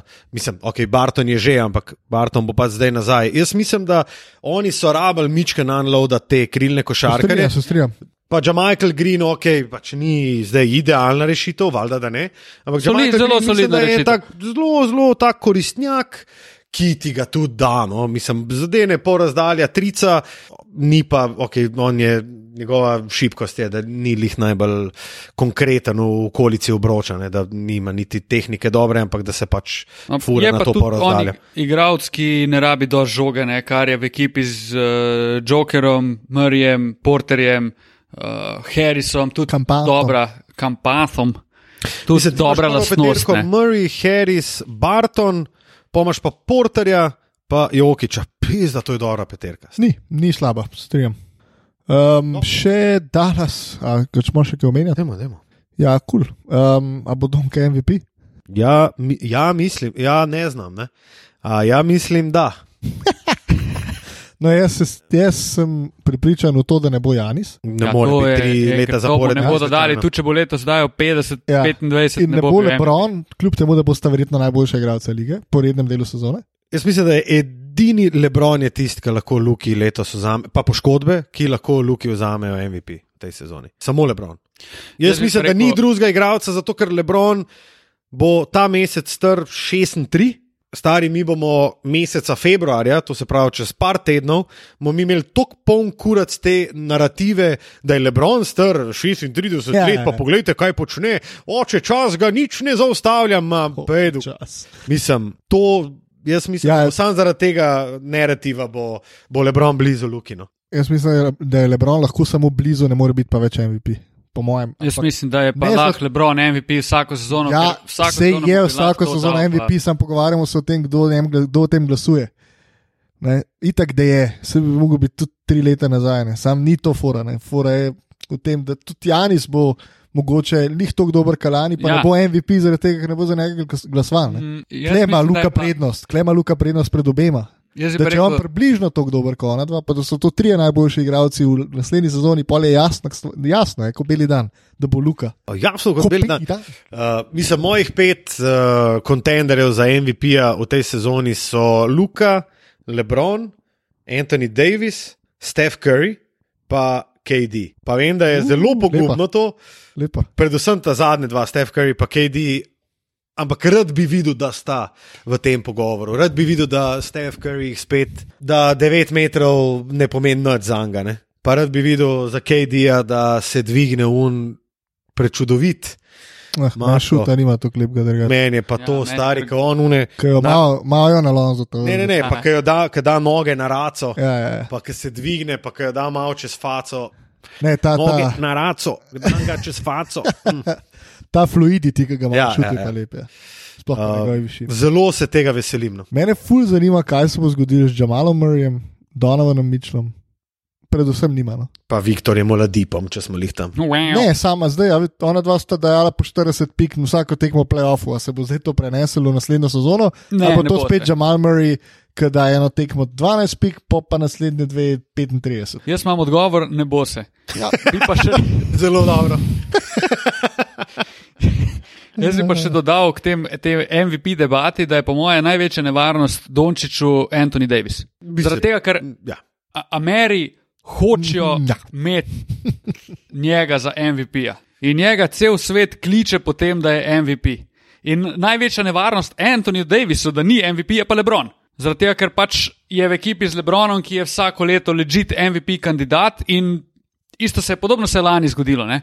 In pol na koncu daš valjda Lebronu prednost, ker je še skozi bolj ključen igralec za ekipo, kot pa ne. Ampak po mojem, Evropejc ima malo manj možnosti, zaradi tega, ker ne bodo več šteli, da je Evropejc trikrat zapored MVP. Mm, Ne, če se strinjam. In Anthony Davis, če bo imel dominantno sezono, bo imel velike, velike možnosti, da jim tako postaviti. Če ima ta Anthony Davis pa Luka Dončić primerljivo sezono, bo Anthony Davis MVP, ne pa Luka. Jaz sem pa nasprotnega mnenja. Upam Že, pa, da nimam prav. že to, kar delajo pred sezono s tem hypom za Luko, da ima najboljše odce, jaz mislim, da hočejo, da je Luka MVP. Sej, Jaz bi pa tudi rekel, da je svet, pa tudi Amerika, je tako naklonjena Luki. Jaz mislim, da je Luka zdaj lepo vozil Davisa. Sem Ko govorimo o nekem popularity contestu. jaz mislim, da je Luka obraz lige NBA za naslednjih deset let. In prej, ko bodo oni to sprejeli, boljše bo. A bo on v novi sezoni, to se pravi oktobra, ko pride NBA 2K21 ali 22? Wow, kakšno vprašanje, ne A vem. bo on ja, cover? po mojem bo, athlete? ja. Po mojem bo. Mogo, mogo bi biti, ne? Po mojem bo. Dobro, v redu. Tudi to uh, Ja. ja. zagonetko smo rešili. Drugače pa je neč Dallas, dobri bojo. Jaz mislim, da bojo. Jaz mislim, da bojo A zelo hudičevo boljši kot lani? Prosim? Ja, A bodo hudičevo boljši kot lani? Jaz mislim, da. Jaz mislim, da, jaz mislim, da more, če je bil lani cilj playoff, ki se je izkazal za zelo dobro odigranega, letos mora biti logično storjen napredek in iti ven iz prve runde. Pol iz druge rundi pa že marsikaj se lahko zgodi. Ne?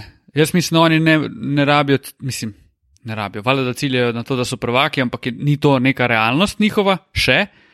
Je pa realnost, da izzovejo vsakogar, tudi če pridejo, ne vem, tako se je Denver zdaj potikal po teh finalih, pa polfinalih par let, je to neka realnost Dalasa v naslednji sezoni. Ob predpostavki, da je Prozingis zdrav, logično, da je tudi Luka zdrav, ampak predvsem Prozingis bo no, tu Pavel odtekel zdrav, marsikaj. Mislim, pa Pavel je nazaj, ne? Konc, konc. Ja, ampak Porzingis, Ja, ne spapaš, spavaš. a, tako. Otroci. Budite blagoslovljeni. Ej, Se a bodo da ene za- propadali ali ne bojo? Jaz mislim, da grejo oni počasi kurac. Uh, jaz mislim, je da moj je še en edini človek, ki jih lahko reče, Reši. re, re, reče, reši, je Tajlu. Jaz sem zelo skeptičen glede na Tajluja in njegove trenerske sposobnosti. Je pa mislim, da on en tak zelo dober motivational players coach, tak gluje, tak lepilo je. In mislim, da recimo Cleveland je potreboval nekoga kot je Tyron Lu. Praktično pa nam zdaj, ma, v bistvu No, bom rekel, zakaj je grdo. Cleveland pač Lebrono Jamesa. Ne? Ampak jaz mislim, da se je Taj Lu vsem tok utrdil. Taj Lu je edini človek, ki lahko reši kliprse pred propadom. glede na to, da uh, Kawhi Leonard že govori, če bom zdrav, bom zavrnil svoj player option, kar je sicer povsem logično, zato da bo lahko pač podpisal bogatejšo pogodbo s Clippersi. To je jasno. Ampak glede na Kawhi Leonarda, glede na ne vem, mislim, ali bo Kawhi Leonard ustal, če oni letos ne vzamejo. Če Clippersi letos ne vzamejo Kawhi Leonarda, ni več o Uh, Clippersih. jaz se ne strinjam s tem čisto. Jaz pa mislim, da bo Tipson pobegnil in to, kot je dolg in širok. Mislim, In njegova- Da bi lahko on pobegnil v ekipo, kot je fucking Houston, če smo se prej pogovarjali. Ne Houston, fucking Utah, ki smo Ja. se prej pogovarjali. On je ta tip človeka, ki bi šel v Utah. Jaz mislim, da bo on ostal v Kliprasih za kar nekaj časa. Da bo Ja. vzel cash in da se bo vozil iz San Diega lepo na tekme in da je to tisto, kar je njegov drive. Da pač enostavno ni kawaii to, kar mislimo, da je v smislu, da je on. Da je njegov mindset, da je on true winner, ampak da je bil enostavno postavljen v situacije, ko je lahko bil najboljši in da je bilo to dovolj za naslov. Tako v San Antoniju, kot tudi v Mogoče bi Torontu. celo rekel, da če on mora zmagovati, pol lahko, tudi serijsko, če mu pa tega ni nujno treba, no, pa zelo dobro. to ne povedano. bo bil. Jaz mislim, da bosta PG in Kawhi lepo pobasala ta denar in se bosta imela Veselje. fajn. In bo- metala trice v rob table. Točno tako. Uh, se In pa mislim, da- nikakor ne morem strinjati s tem, da je Tajlu oseba, ki lahko reši kliperse, ker Tajlu je meni tako ogaben glavni trener v ligi NBA, da je to obupno, se mi zdi absolutno nesposoben, nepripravljen voditi ekipo z nikakvo taktiko in se mi zdi, da to nikakor ni prihodnost klipersov, vsaj ne v dobrem smislu. Pa naj me prepričal nasprotno. Ja. Jaz se mogoče malo bolj strinjam z Luko, ampak lahko se strinjam z tabo. Zaenkrat se z Luko. Pa počakamo še par mesecev. Mislim, fore, fore je samo tem, da je dokazano on, ko je prišel kot odrešitelj po Davidu Bletu, je imel Ja, zvezdniško ja. ekipo, pa je s tem nekaj naredil. Sam zato jaz pravim, da je Taj Lu eden izmed tistih ljudi, ki lahko ta kor obdrži skrbno. Škje imam jaz težavo, da sta in Kawhi in Paul George zabita. Sam tle imam težavo. No, mislim, un je pač introvert, drug pa, drug pa je pač Bi nek bilo pa tudi boljše, A, če bi- Paul Joe, jaz bi rekel, da prostitut. Bi bilo pa Bo. tudi bolje, če bi bil introvert, se mi zdi včasih. PG je kar zabit. Je- Pi- On je, ne, PG ordo. je- On je kar zabit. Mislim, Zdaj, ko ko sem pa, poslušal ta podcast, ki ga, ki ga je imel z, z tem, da tema, da je Mattom Balansom in Stevenom Ja, ja, ja, Jacksonom. ja. Ja, ja. Stari tip je tok, on živi v enem svojem bablu. Pač ti sploh ne ve, malo greš fakte preveriti po tem, kar on govori, in znam reči, pa dober model, kvate pere v buči. Meni je bil ful dober odziv Doka Riversa na te očitke, ki je rekel, kao PG, da je njim ustrezal način, Ja, ja, ja, bla, ja. bla, bla. In pa je Dok rekel, ja, ok, sej ta Lu je bil skozi zraven ne, pri tem sistemu, pa ga je so ustvarjal, zdaj pa kaj, zdaj bo pa Ja. revolucija, mislim, mogoče bo, ne vem, ampak všeč mi je bilo, PG je pa, na, nima kaj dosti. Pa to, kao, da ja, ful me je postavil v napačne pozicije na igrišču. Kar nekaj. Pa odigral še enkrat toliko pik na rolo, kar je bil kao faktor, da ni bil postavljen v pravo pozicijo. Odigral jih je pa še enkrat toliko prej po Oklahomi. pa si sam rečeš, kaj. Mislim, da je PG šel v kurac in da sta on in Kairi v, ta, v tem trenutku najbolj problematična igralca. Najbolj flat glav. earth osebi v NBA. Ja, ja. Ok, sama damo In za- kliperse na drugo mesto, damo. Ja, ja, jaz bi rekel, da še skozi. Ja. ja, jaz tudi mislim, da ja. Ok, Lakersi pa prvi, ne? Lakersi, Lakersi so pa, pa so um, favoriti Zelo dobri so Lakersi letos. za miljo, za miljo predvsem, jaz mislim, da so trenutno. Tudi jaz mislim, da. da bo tole. Mislim, tudi kar so free bo, naredili. bo, mislim, da dosti dolgo časa. Pa mogoče na, še najbolj prepriča način, na katerega so oni usvojili naslov letos. Ja, Ker se mi zdi, da so zelo sistematično premagali svoje nasprotnike. ne. Uh, v smislu, ni. Zgubili so prvo tekmo proti Portlandu, zgubili so prvo tekmo proti Denverju, ne, Ja, ja, kom, ja. proti Houstonu v drugem Houston, krogu, ja. in naslednje štiri so dobili. Ne? Se pravi, oni znajo, kako dobiti, znajo, kako zmagati, in po mojem je to še najbolj zastrašujoča stvar pri njih. No, pa ustavimo se tudi pri tem, kaj so oni naredili ne, jeseni.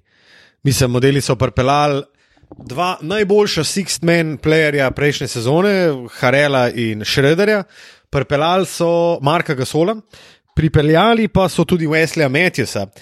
Wesley Matthews, en zanimiv podatek, Matija, glede na to, da se Tilan zdaj zalizuje s svojim dekletom.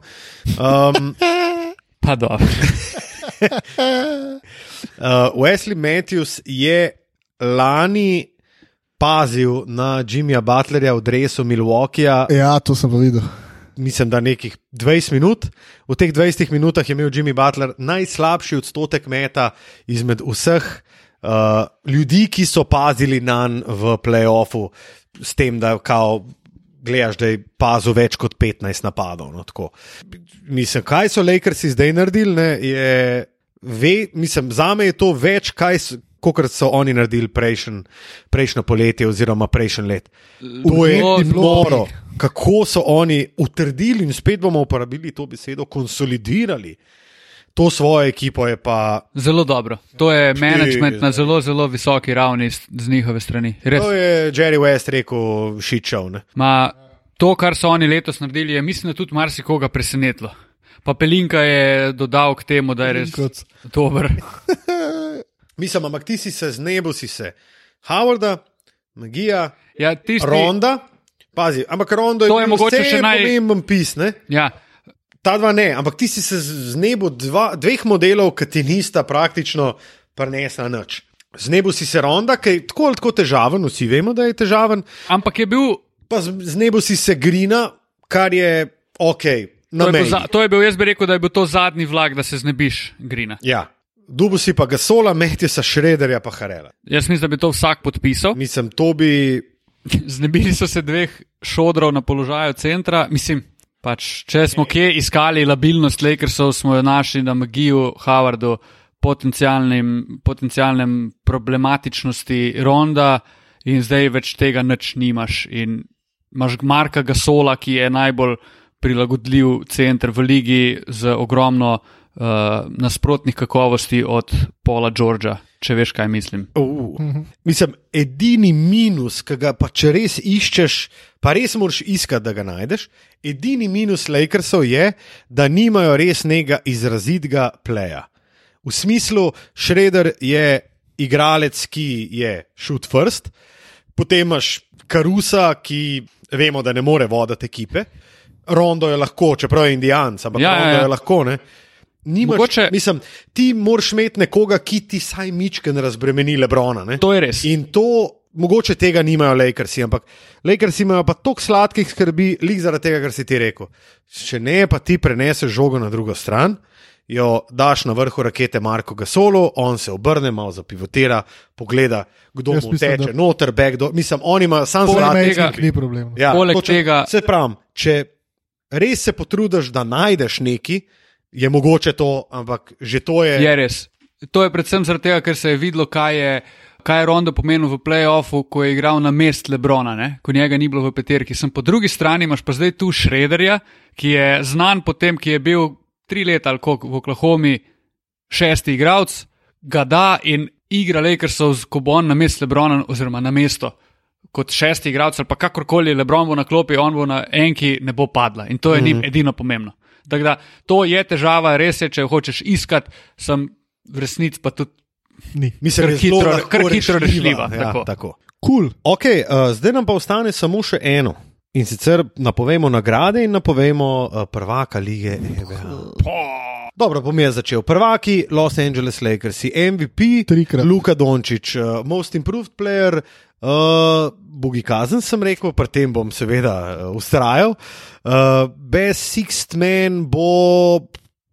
Oh, blage, veze, nimam kdo bo najboljši. Sixth Man. Se zato Lou Williams, sem debel pogledal, ker si rekel, da ima vse nagrade. Coach of the. Year bo.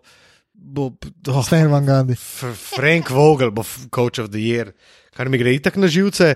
Uh, Rookie of the Year bo Lamelo Ball, uh, potem nam pa ostane še morda ena, ena, ena uh, nagrada, sem kaj pozabil. Uh, defensive player. defensive player. Defensive player of the Year bo pa. Blage veze, nimam kdo bo defensive. Mislim, Ja, okay. spet Rudy lahko. Gobert, Spet lahko ja, Uh, te stalne osumljence, ampak bi rad nekaj tako novega, nekaj svežega, nekaj tako. Mm. Bema debajo. Ej, Bema debajo, super. Bra. Super, super, super. Super. Tako, to je moj izbor. Hvala, Kaj pa Luka. ti, Tilen, praviš? Oh, wow. Torej, začnimo. ponavljati moram. Naslov prvaka. Boston Celtics. Wow. Zaradi tega, da bom rekel drugače kot ti, drugače, definitivno so Lakersi prvi favoriti, ampak se ne to tako doskrat uresniči, kot je mogoče straightforward na začetku sezone, pa ajde, naj bo Boston. Okay, MVP. MVP sezone Anthony Davis. Uh, coach of the year. Kako me zdaj že vsi navijači, Luke Dončiča sovražijo, zna duše, po moje, se pravi, čujem. Coach of the year. Ja. Erik Spolstra, stari, skrajen cajt. Dobro, defensive si rekel Bema Debajo. Uh, Sixth man, Ti bom jaz povedal, Dej. Goran Dragič. Ma jaz bi si želel, da sem. lepo. Samo on bo v prvi postavi začel. Ja. Uh, Bom bo še malo Hero? razmislil. Pa. mm, zakaj Kar je Tyler Hero začel v prvi? Vsi pravijo, da je Tyler Hero v prvi peterki. Mm, Jaz mislim, da ima, da ima Tyler Hero eh, letos lepe možnosti, da je Sixth Man, če ne bo začel v prvi peterki. Ja, sam Let me put uh, it this way. velik uh, traction ima, da bo prvi pleno. zanimivo. Ja, tudi meni. Ampak Torej, to Erik Spolstra ne bo coach of the year, naprej. Most improved. Blage veze nimam, stari. To napovedati Ja, igralca, ki bo most improved, Christian Wood. bi jaz rekel, da sploh ni. Dobra ni izbira, zelo dobra izbira. To ne moreš sploh napovedati. Težko je napovedati, se veš, težko je ker, ker, most im, ker, ne, ker most improved je človek, ki ga ti m, ponavadi ne pričakuješ, da bo, ne, se pravi, te preseneti. Pa in je- sej, sam, se ti ne dajemo gana zdaj na glavo, pa reči, da to more biti. Pištol. Luke Kenar. Evo, Luke Evo, Kennard. super. Ne, ne bo, zagotovo ne bo. Ja, on bi te presenetil drugače, veš, tako da nekje je. Dobro, potem pa še, ne, se smo vse obdelali. Ne? Mogoče bi zdaj pihnil Luka tu na dušo, pa bi rekel, da bo most improved Lonzo Ball. Okay. Evo, to je, kar se meni tiče, to ležiti. A da ne. Jo, jo. Jo. Matko, ti si za nekatere se že povedal, Christian Wood. Zdaj le Lakers, si samo Ja. rekel Brooklyn, zato da ne ponavljam za to, pa zato da ima on malo živčen. Um, MVP bom rekel tudi Luka Dončić, potem bom rekel Most Improved Christian Wood, um, šesti igralec Goran Dragič. Uh, najboljši obrambni igralec, bom še njemu večkrat ga še malo iritiral, Ben Simons. Uh, Uh, lepa. oh, oh. Da, Legit, legit izbira. Dobro, dobro. ja, mi Jaz si želim- Coach of the Year. A lahko samo eno stvar. Jaz bi Dajva. si želel, da končno Defensive Player of the Year ni center. Ja. To bi mi kar pomenilo, ker verjamem, da ima liga ogromno res dobrih da, obrambnih igralcev na zunanjih položajih, pa nikdar niso Defensive uh -huh. Player of the Year. Coach of the Year, Queen Snyder. Mm. Zelo, zelo zanimivo. Mm, mm, mm. In upam, upam, da ste si to zapisali, Ker mi si nismo. ker mi si nismo in ne bomo. In ko pridejo nagrade, na Ostala bo le v zvočnem Bomo zapisu. rekli, sam, pizaj, sem že poznal, kva sem. Ja, točno to, tako kot vsak. ah, To je to. fanta, vesel sem, da smo takole začeli našo tretjo sezono obstoja podcasta Dvokorak. Naslednjič po novem letu, a? A? Ja, novo leto. Malo po novem letu. Malo po novem letu, tako je. E, Mislim, da 4. 5. januarja se bomo zopet slišali. Fanta, kako delata božične tekme? Ob 18. Miami delava skupaj Ja. Miami z New Orleansom. z New Orleansom. To bo. To bo boj, ne Aj, samo na aj, parketu, aj, temveč tudi za mikrofonom. Vrhunsko. Um, potem pa mislim, da Tilc dela ob dveh še eno tekmo. Dallas? Jaz jo delam pa ob štirih. Ti ne. delaš Dallas? Ne. Ne. Jaz delam Dallas, Aha, ti dveh. delaš pa Lakers, a ne?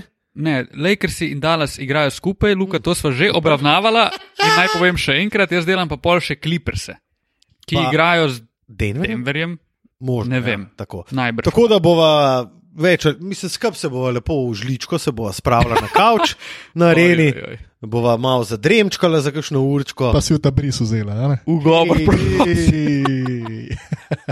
Um, Tako da bodite s fantoma, no? jaz bom z njima, zdaj imam uh, password za en A1. Uh, Ejo, Filček, aj, aj. da bom lahko malo ejo, pospremil. bum. ok, Prepustimo se kolesju lige NBA, da nas odpelje v svojo naslednjo sezono. in slišimo in vidimo pa se zopet čez 14 dni. Mene pa vsi naročniki te remaha lahko spremljajo na euroligaških obračunih in obračunih slovenske košarkarske lige. Matija, Šmač, eh, prvi prve lige. Tudi, tudi. Uh, zelo, zelo dobro. U, fantastično. sploh. Jaz moram reči, da zadnjič, ko sem si preklopil ne, to internetno zadevo, ki sicer je ni več, ne, oziroma je še vedno. Ja, vse sem te jaz Ja, znal. se, se, se dal ta prav, E, ja. Moram reči, da sem te poslušal in sem bil, srce mi je zaigralo, ko sem slišal Matijo Kosmača zopet, Oh, hvala. zopet v etru. In... Enako bo za božič, Luka. Le v obratni smeri. Mm, okay, ajde. Ok, ajde.